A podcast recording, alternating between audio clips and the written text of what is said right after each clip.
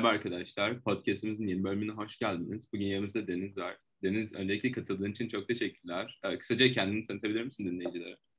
Ben teşekkür ederim. Acayip keyifli şey beni davet ettiğiniz için. Ee, şöyle, ben Mehmet Deniz Birlikçi. Ee, 2020 senesinde Üsküdar Amerikan Lisesi'nden mezun oldum.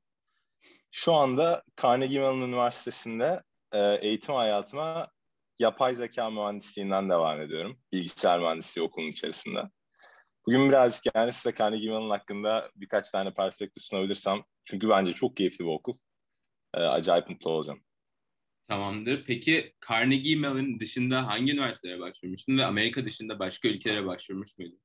Geçen geçen baktım hatta sırf eğlenmek için yani.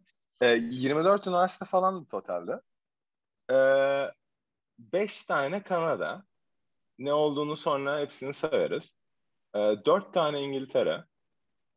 Bir tane İtalya. Geri kalanı da Amerika. Şimdi sona doğru hani seçim yaparken hangileri benim için önemliydi? Sürecin başında hangileri benim için önemliydi?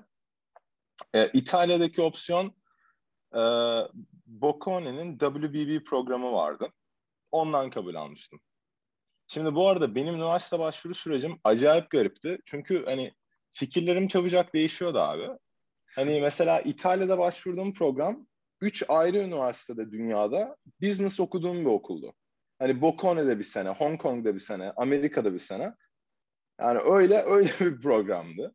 İşte Amerika'da Georgia Tech'ten kabul aldım. Ee, Industrial Engineering'de. Michigan'dan kabul aldığım zaman hem bilgisayar mühendisliği hem business double major şekilde kabul almıştım. Yani birazcık seçimlerim ciddi derecede farklılık göstermişti. Son karar vermem gereken an ben dedim ki ben business okumayı tercih etmiyorum. İngiltere'de kabul aldığım okul King's e, beni çok açmayacak. Çünkü İngiltere'nin tek disipliner bakış açısı hoşuma gitmiyordu. Yani bilmeyenler için söyleyeyim. İngiltere'ye başvurduğun zaman hangi major'a gireceğini önceden senin söylemen gerekiyor. Hani okula geldiğin zaman major değiştireceksen sana diyorlar ki hop kardeşim öyle bir şey olmaz. Sen okula tekrardan başla. Hani sıfırdan başlıyorsun. O felsefe bana çok uymuyordu. Hani ben onun yanında iki ana dal yapayım, yanında başka bir şey daha alayım. Ben öyle bir öğrenciydim. Amerika'da da e, son kabullerim Georgia Tech, Michigan, e, UC Berkeley ve Carnegie Mellon arasındaydı. UC Berkeley ve Michigan e, public okullar. Georgia Tech'te Industrial Engineering okumak istemediğime karar verdim. Public okul olması demek hani amfide ders okurken, ders görürken belki senin yanında bin kişinin aynı derse girmesi demek. Hı hı. Ben onu tercih etmedim. Çünkü ben öğretmenlerimle lise hayatım boyunca hep yakın ilişkiler kurmayı seven biri olmuştum ben. Yani en çok ondan zevk alıyordum yani o sohbet ortamından beraber tartışabilmekten. O yüzden Carnegie Mellon benim için doğru seçim dedim. Garip bir şekilde de yani okul hakkında daha fazla şey öğrendikçe gerçekten okulun hani bana birebir uyduğunu fark ettim. Hani çok keyifli bir realization'dı. O yüzden şeyin altını çizmek istiyorum. Bunu tüm dinleyen herkese. Hani bazen e, üniversite seçimi yaparken son vardığınız nokta yola başlarken varacağınız olarak hayal ettiğiniz yerden birazcık farklı oluyor. Belki hiç gideceğinizi düşünmediğiniz bir üniversiteye gidiyorsunuz. Belki X, belki Y, belki Z. Ama günün sonunda bence her zaman hayırlı bir şey oluyor. Garip bir şekilde o eseyleri bence okula biz gönderirken hani okullar bizi kabul ediyorlarsa gerçekten bizim o okulun profiline uyduğumuzu düşünüyorlar muhtemelen. Ben de onu fark ettim. Tamam ben bir şeyler eklemek istiyorum burada. Ee, iki sorum var. Ee, birincisi business'tan engineering'e geçmendeki neden neydi daha Abi çok? Hani süper business... soru. İkincisi e, Carnegie Mellon'ın sana birebir uyduğunu anlaman neyle oldu? Yani nasıl bunu buna karar verdin? Bu da süper soru. İlk sorudan başlayalım. Mehmet Deniz neden business'tan bilgisayar mühendisliğine geçti? Ee, bu şu şekilde gelişti. Üniversiteye bakış açım değişti. Ne demek istiyorum bunda? Ben dedim ki ben üniversiteye gidiyorsam dedim ee, sadece diploma almak için gitmiyorum dedim. Hani bir şey öğreneceksen onu kendi başına da öğrenebilirsin bence bu dönemde. Ve business başta benim için ilginç gelse de çünkü finansal marketlere çok ciddi ilgim var. O tür bir eğitimin e, sınıfın içerisinde o kadar etkili olacağını düşünmedim. Ve üniversiteye bakış açım şöyle değişti. Ben bu sefer üniversiteye hani kendi tool setimi geliştirmek istiyorum perspektifiyle gitmeye karar verdim. Hani tool setime ne eklemem gerekiyor diye.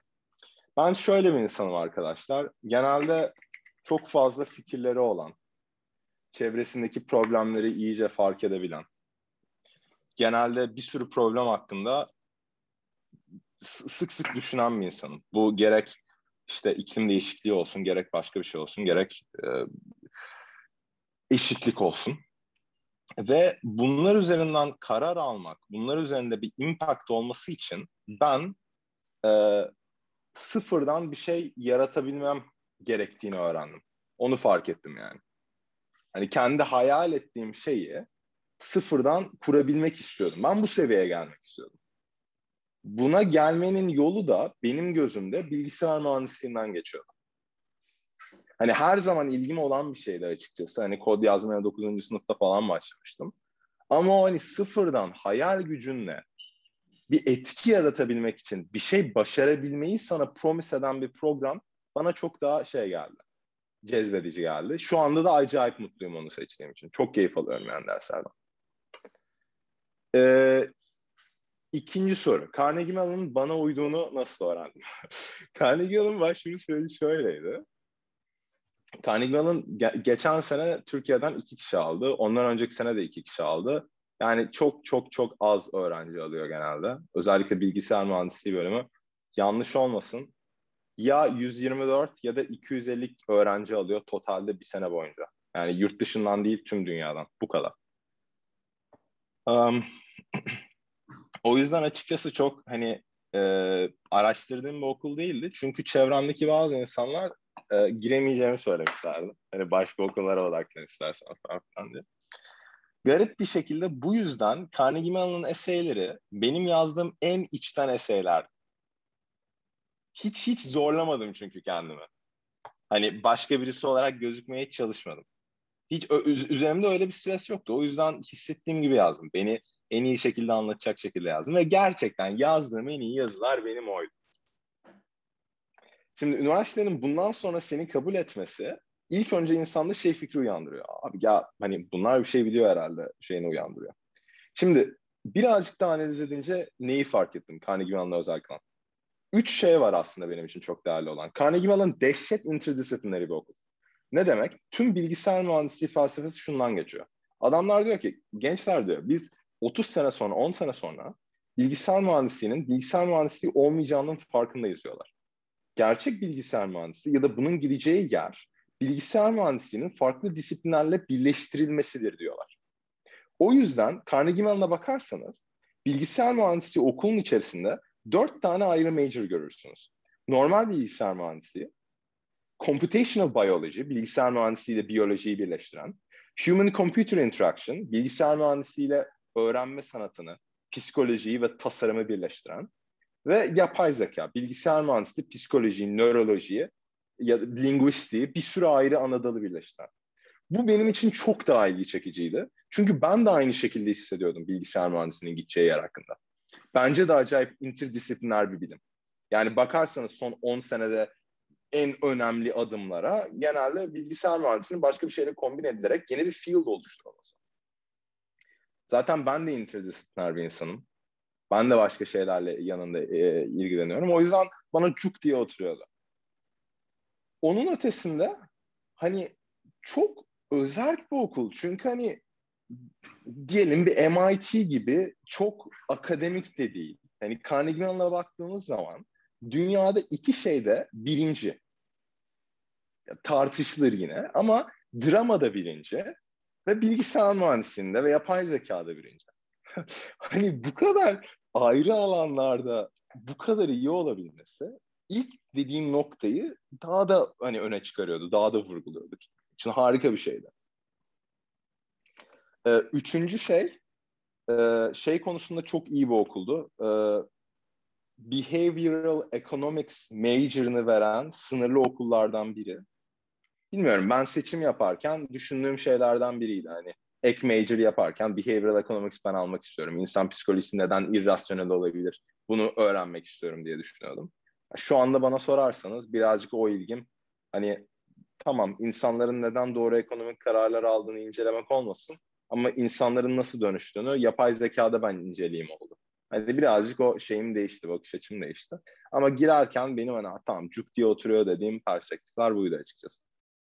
Carnegie Mellon'da profesörlerle yakın temasta ya da konuşabilme tek tek şansın oluyor mu? Abi çok. Yani bak bunu vurgulayan iki tane şey söyleyeyim. Birincisi kendi deneyimle evet kesinlikle. Yani profesörlerle ben çok çok iyi, çok çok keyifli konuşmalarım oldu.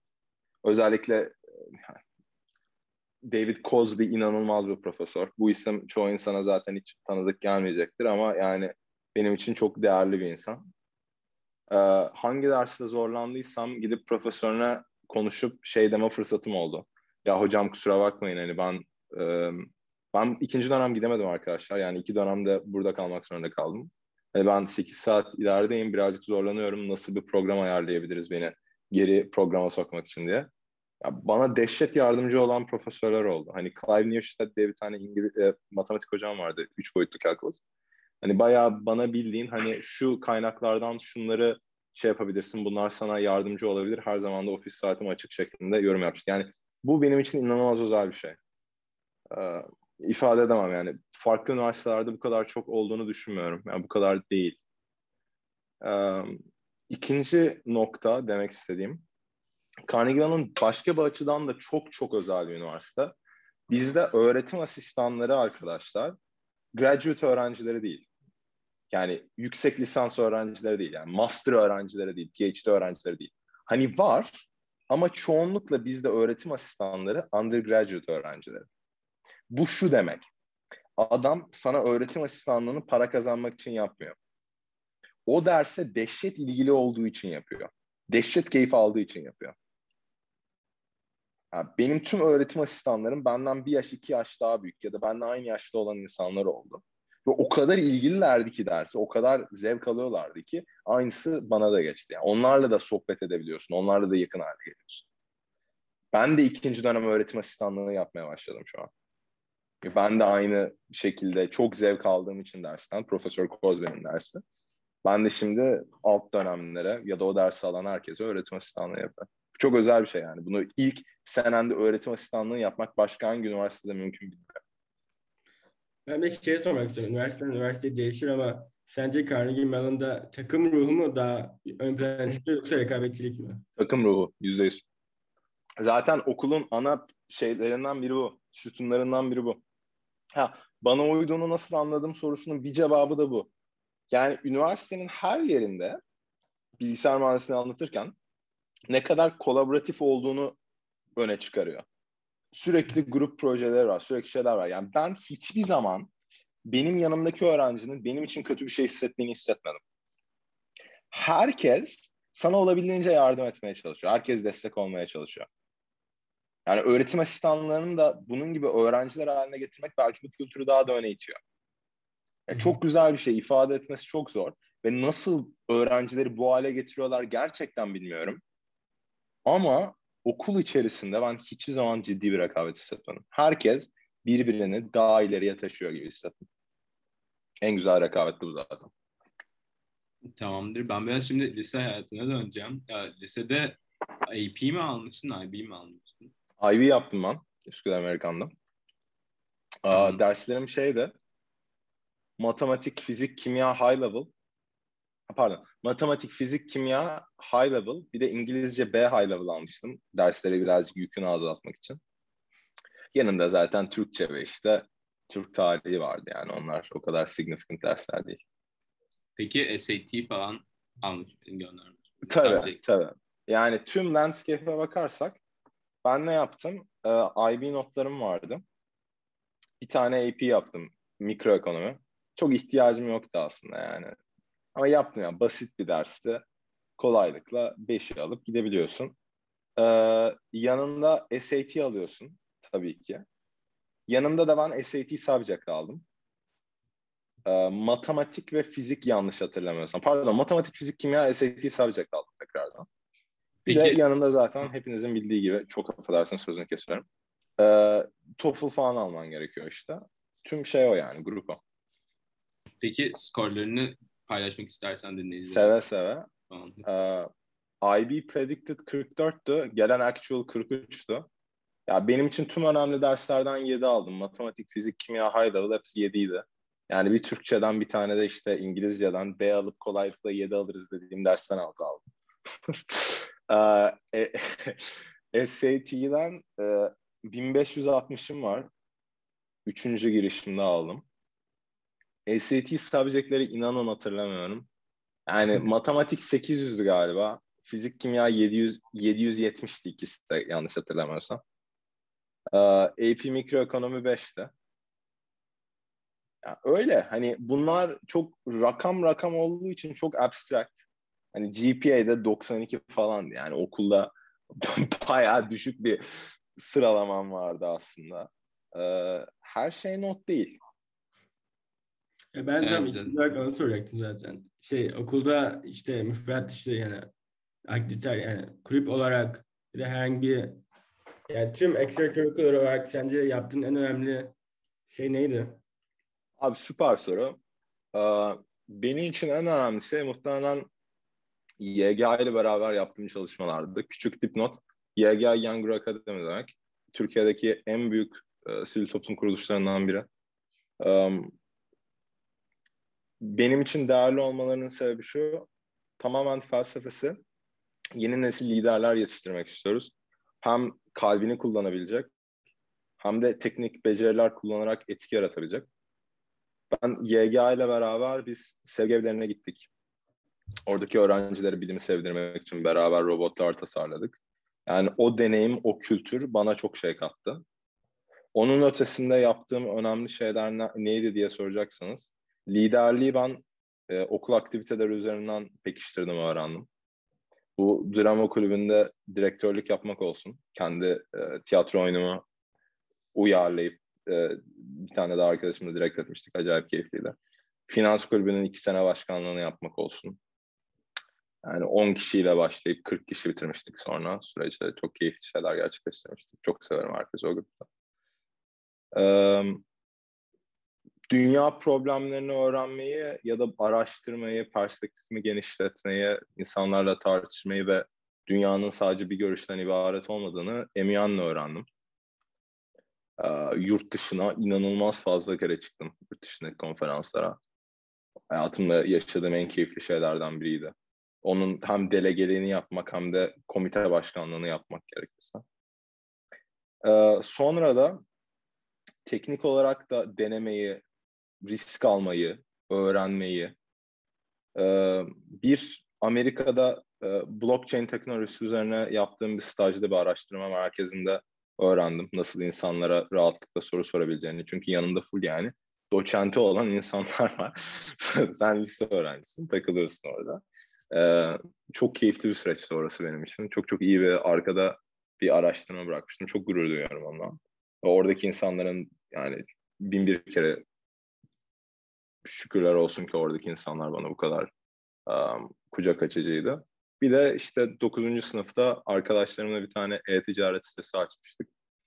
Yani bunun gibi şeyler yani hayatta okul dışında şunu söyleyebilirim. Hani eğer CV'nizi doldurmak için bir şey yapıyorsanız yapmayın. Ee, çünkü benim gördüğüm şey şu. Ben kim olduğumu, neye inandığımı, nasıl bir felsefeye sahip olduğumu bu aktiviteler üzerinden öğrendim. Nasıl bir kapasiteye sahip olduğumu risk alarak öğrendim. Hep yapmak istediğim şeylerin peşinden koştum. Ya buna buna bir şey biçemezsiniz. Buna bir şey biçemezsiniz. Anladım. Ee, şimdi yine Carnegie Mellon'a döneceğim. Carnegie Mellon'da sevdiğin şeyleri falan konuştuk. En sevmediğin şey ne olur Carnegie Mellon'da kampüste gördüğün? Ah, güzel soru. Çok soğuk. E, bu tam tam doğru bir cevap değil biliyorum. Um, birazcık daha düşünmek gerekirse en sevmediğim şey kampüslerinde. Hani düşünmem gerekirse çoğu üniversitede de zaten bu böyle. Ama e, hani üniversitede farklı bölümde olan insanlar bazen birazcık disconnected olduğunu hissediyorum. Hani farklı bölümlerdeki insanları çok kolay tanıyamıyorsun. Hani eğer ben 40 bin kişilik bir okulda olsam asla bunu bir şikayet olarak söyleyemezdim. Çünkü zaten lojistik olarak imkansız yani bunu. Ama Carnegie Mellon'da hani tek benim bir çözüm bulmaya çalıştığım şey şu anda. Hani drama okulunda inanılmaz insanlar var çok passionate olan. Bu insanları da tanımak bana bir zenginlik katacak. Bunları tanımak, bunları tanımanın yollarını bulmak, şey yapmak. İşte literature'da felsefe okuyan, matematik okuyan, fizik okuyan şey yapan. Hani birazcık herkes çok separate hissettiriyor. Ki zaten üniversitenin aslında şeyi bu. Hani bu normal bir şey olması lazım. Ama tek şikayetim bu. Hani birazcık daha farklı okullardan farklı insanları tanımak süper olabilirdi. Anladım. Zaten o büyük ihtimal her okulda öyle bir sorun vardı. Öyle. Öyle. Ama hani bana şu anda en çok batan şey bu. Ha, yani her okulda öyle bir şey olduğu için gün sonunda insanın kendi çözümünü bulması gerekiyor. Hani normal bir üniversite için, öğrencisi için bunun çözümü de kulüplere katılmak, sosyal olmak, eğlenmek. Peki şeyi soracağım. Ee, akademik olarak IB programı falan aldın. Ee, computer Science'da hani zor bir derstir. Carnegie Mellon'daki Computer Science dersleri genel olarak ya da major'ı uh, overwhelming geldi mi hiç sana? Zor mu? Evet eşek gibi zor bir şey, patika. Yani eşek gibi zor bir patika ama e, felsefe doğru. Çünkü gerçekten hani şöyle bir söz söylemişlerdi bak introduction'da daha okula ilk geldiğin gün sana bunu açıklıyorlar yani.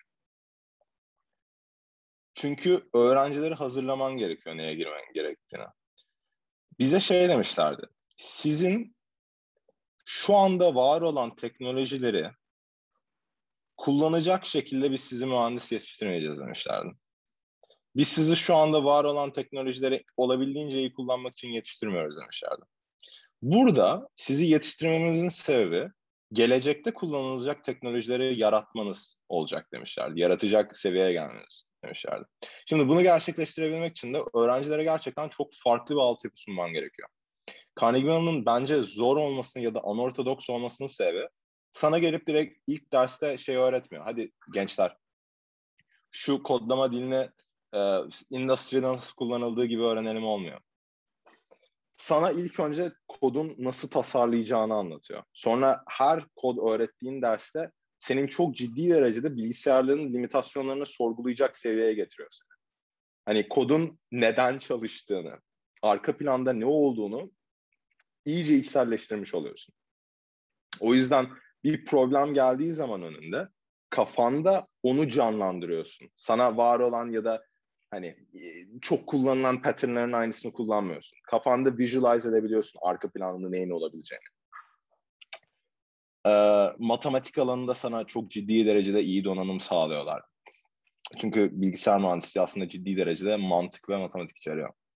Şimdi bunun gibi ağır bir ders programını, bu arada Carnegie Mellon bana benim için bence çok mu zor? Hayır değil. Çünkü bence çok keyifli bir program. Hani zorluk şeydir, e, kişiseldir, özneldir ve bence keyif aldığın zaman zorluk zorluk değildir. E, keyif aldığın zaman sadece aşman gereken bariyerlerdir. Her bariyeri aştığın zaman daha da keyif alırsın. Ben hiçbir zaman yani öyle zorlanmış hissetmedim. Sadece challenge edilmiş hissettim. O da o da çok keyifliydi yani. Üsküdar Amerika'nın IB programı olmasa hayatta yapamazdım bunu. Açık ve net söyleyeyim. Yani Üsküdar Amerikan e, acayip zor bir okul. IB programı acayip zor bir okul. IB programında e, çok ağlıyorsun, şey yapıyorsun. Yani bizim bizim sınıfta, bizim dönemde bunun stresini yaşayan çok fazla insan var. Bu insanlardan biri de benim.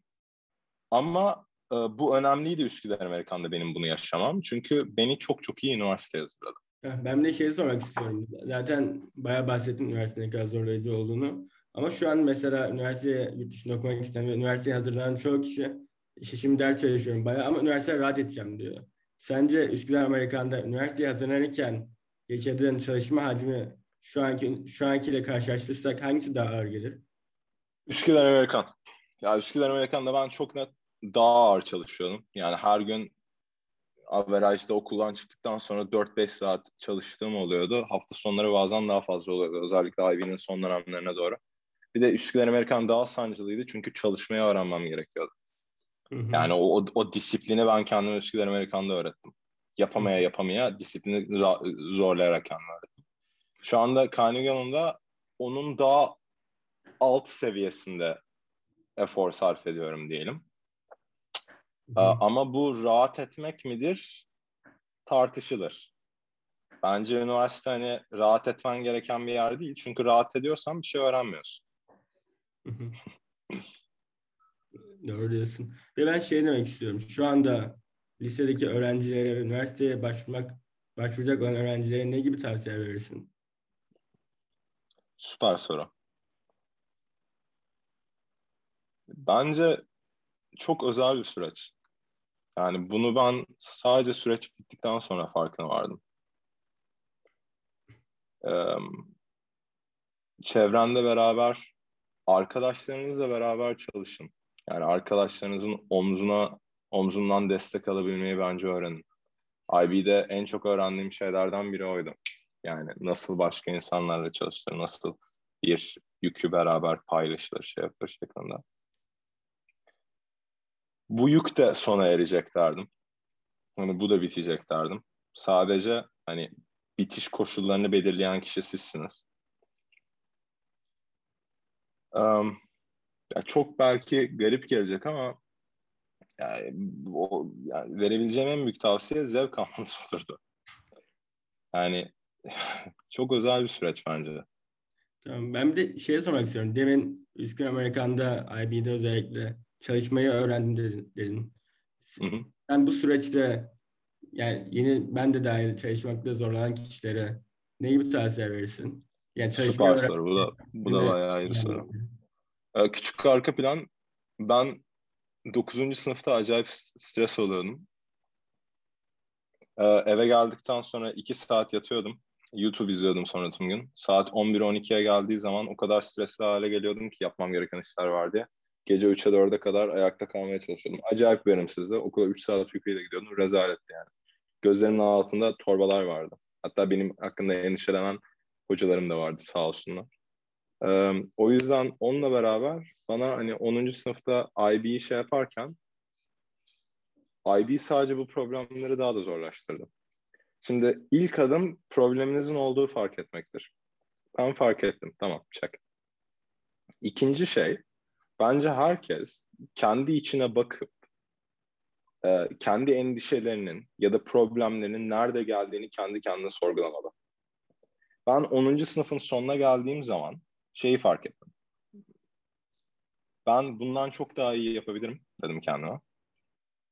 Ben evde ders çalışamıyorum dedim.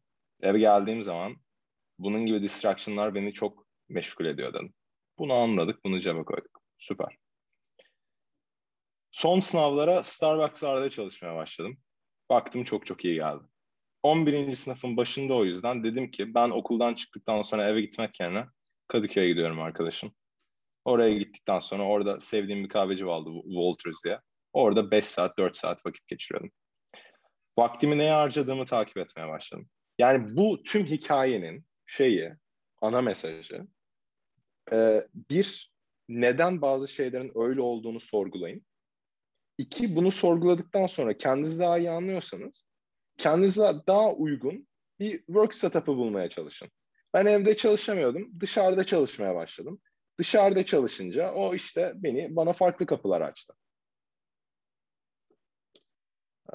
12. sınıfa geldiğim zaman bu sefer kolektif house vardı Levent'te. Orada çalışmaya başlamıştım. Dedim ki yani günde 10 lira 15 lira kahveye vereceğime dedim.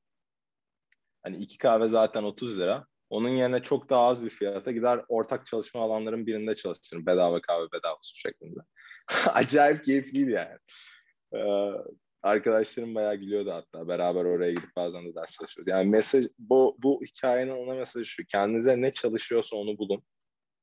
Ee, kendinizi sorgulayın. Kendiniz hakkında bir şeyler öğrenmeye çalışın. Ben de şeyi sor- sormak istiyorum. Özellikle Comlab eseyi'ni yazar, yazma süreci nasıl geçti sizin için? Acayip sancılı. yani e, 11. sınıfın yazında başladım. İlk başta baktım hani çok iyi şeyler gelmiyor. Ee, söyleyebileceğim tek şey şu. Ben o eseyi 3 kere, 4 kere, 5 kere, 6 kere tekrar baştan baştan yazdım. Yani bir sürü ayrı fikrim vardı. Bir 7 tane falan, 6 tane falan ayrı esey yazmışımdır muhtemelen draft olarak. Yazma işi, kendini ifade etme şeyi bazı insanlara çok rahat geliyor, bazı insanlara gelmiyor.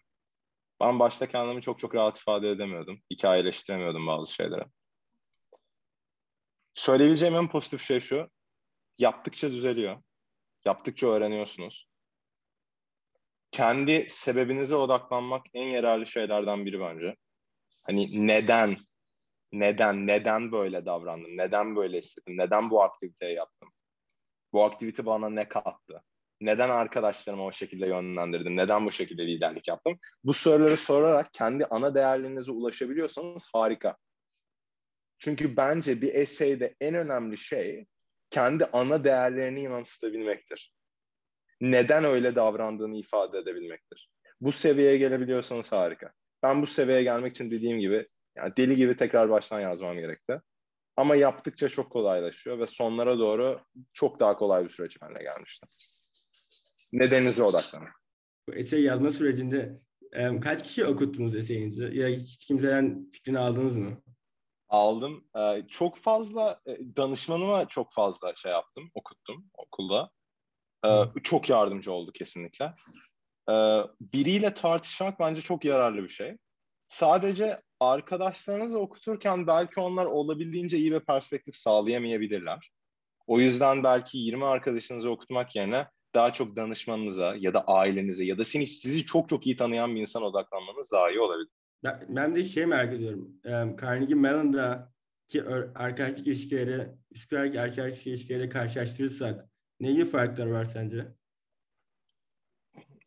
Üsküdar Amerikan birazcık daha koyuydu. Ama günün sonunda hani ilk senem olduğu için ve çoğu arkadaşı hani online olarak tanışmak zorunda olduğu için aslında belki ben şu anda kampüse gidince göreceğim, bakacağım ve diyeceğim ki ya buradaki insanlar da acayip keyifli. Üsküdar Amerikan'da benim şöyle bir avantajım vardı. IB seçince 3 sene boyunca okul e, sınıfınız aynı kalıyor Üsküdar Amerikan'da. Bu şu demek, aynı öğrencilerle ağlıyorsun, sızlıyorsun, çalışıyorsun, tüm engelleri beraber aşıyorsun. Bu yani size ifade edemeyeceğim kadar koyu ilişkiler kazandırdı bana. Çünkü ben o insanla hani cehenneme kadar gitmişim. Yani Üsküdar'ın en zor şeylerinden geçmişim, zamanlarından geçmişim. Omzuna yaslanabileceğimi biliyorum. CMU'da da hafiften onun olabileceğini fark ettim. Ya özellikle CS'de hani bu derslere beraber çalıştığın insanlar olmasın. Muhtemelen okula gidince de bu sizde önceden konuştuğumuz gibi yani çok collaborative bir ortam olduğu için belki aynı ilişkiler kurulacak. Belki kurulmayacak. Yani şey çok ilginç bir şey. Ee, bir Türk öğrenci olarak yabancı insanlarla e, arkadaşlık kurabilmek demek tamamen aslında senin öğrendiğin arkadaşlık belki farklı bir şey olacak. Farklı espriler olacak, farklı şeyler olacak. Tahmin bile edemiyorum yani. Ama Üsküdar Amerikan'da ilişkiler gerçekten çok koydu, çok harikaydı. Carnegie Mellon'da da belki aynı sebepten dolayı, zorlukları beraber aşmaktan dolayı belki aynı şekilde ilişkiler olur. Abi şu ana kadar konuştuğum, tanıdığım, sohbet ettiğim her insan acayip sevecen, acayip yani sıcakkanlıydı.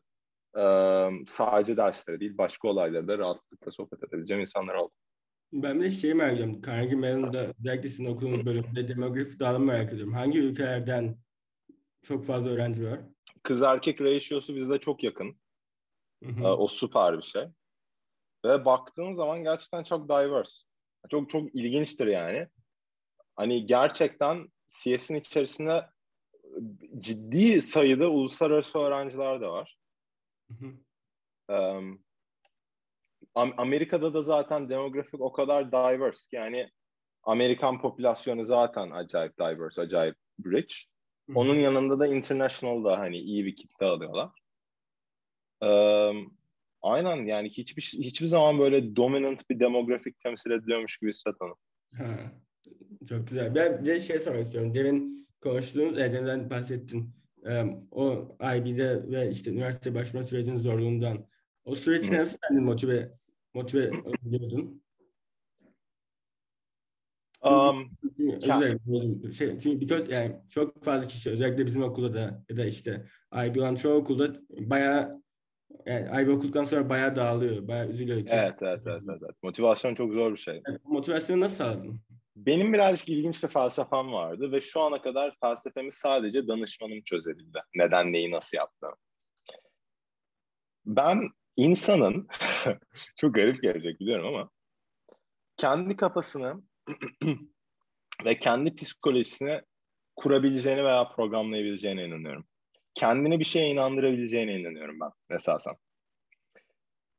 Benim yaptığım şey şuydu. Ne zaman zorlansam bu çok keyifli olacak, bu çok eğlenceli olacak diye tekrarlıyordum. Bak, çok garip bir şey. Fakat bir ay, bir buçuk aydan sonra bunu yaptıktan sonra gerçekten buna ben inanmaya başladım. Yani zorluğun keyifli tarafına odaklanmaya zorladım kendimi. Kendimi oraya iteledim.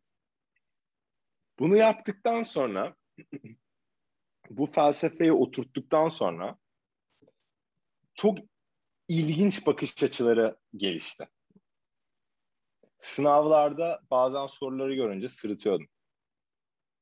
Çünkü benim gözümde o bir sınav değil, çözmem gereken bir bulmacaydı.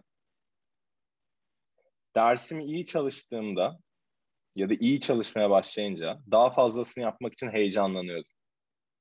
Çünkü iyi bir momentum tutturmuştum. Devamını getirmek istiyordum. Bir şeyi eksik öğrendiğimi fark edince hatalarımı öğrenmekten heyecan duyuyordum. Çünkü kendime bunun doğru olan şey olduğuna ikna etmiştim. Çok garip bir şey insan psikolojisi. Çok garip bir şey. Kendinizi inandırabiliyorsanız her şey yaparsınız benim gözümde. Ben kendimi inandırtmıştım. O yüzden işte zor bir şey geldiğinde abi çok keyifli olacak dememin sebebi de buydu. Bazen dışarıda sesli olarak. Arkadaşlarım oğlum sen deli misin lan falan demesine rağmen benim gözümde ben kendime onun keyifli tarafına odaklanmaya yetiyordum.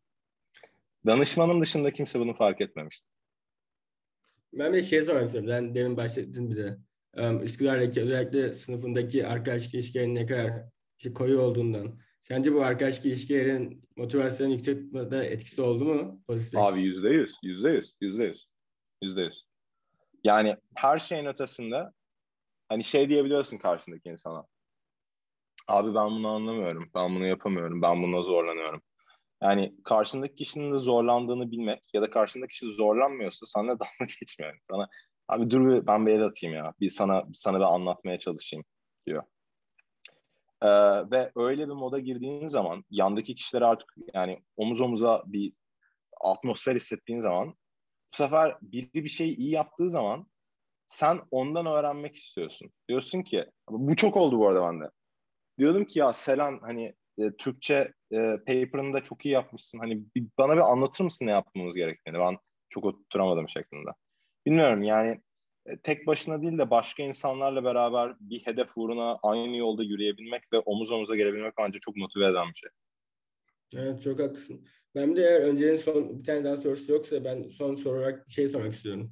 Ee, şu an kadar ilgilerinden bahsettin. Üniversiteden sonra ne yapmayı planlıyorsun eğer bir fikrin varsa? Acayip keyifli soru. Ee, şöyle birden fazla patika var gözümde. Ki zaten öyle olmalı. Bence hiçbir zaman kendinizi bir yola kapatmamanız lazım. Ee, bir, benim yapmak istediğim şeyler aslında birazcık daha e, şey felsefesi üzerinden gidiyor. Ben benim değer verdiğim problemler üzerine aksiyon almak istiyorum. Etki bırakmak istiyorum. Bazı şeyleri düzeltmek istiyorum. Beni motive eden şey bu. Bir değişiklik yaratabilmek. Şu anda yapay zeka öğrenmemin ana sebeplerinden biri de şu. Şu anda kullanılan algoritmalar aslında birçok yönden insan psikolojisine zarar veren şeyler.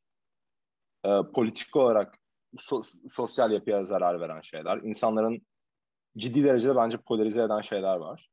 Ve yapay zekayı şu anda bazı teknoloji şirketleri bir oyuncakmış gibi görüyor bence. Ve gelecekte çok ciddi belki etik dilemalar yaşayabiliriz.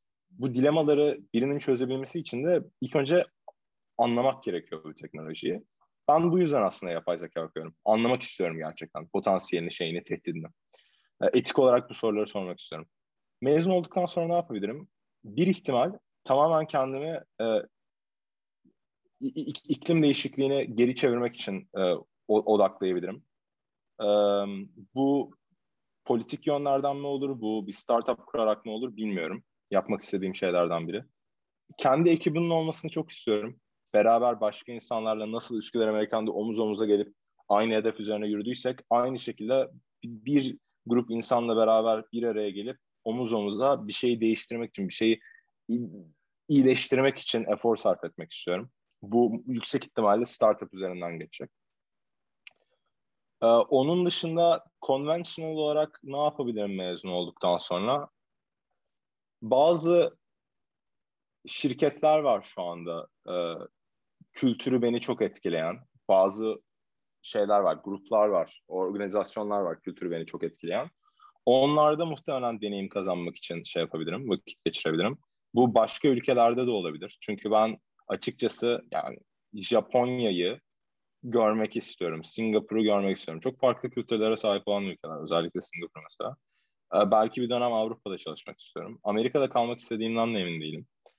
Ee, yani anlayabileceğin e, olabildiğince beni nasıl lise döneminde yaptığım aktiviteler üzerinden sorgulamak istediğim, öğrenmek istediğim, yaşamak istediğim şeyleri yaşadıysam, risk aldıysam, adım attıysam aynısını üniversiteden çıktıktan sonra da yapmak istiyorum.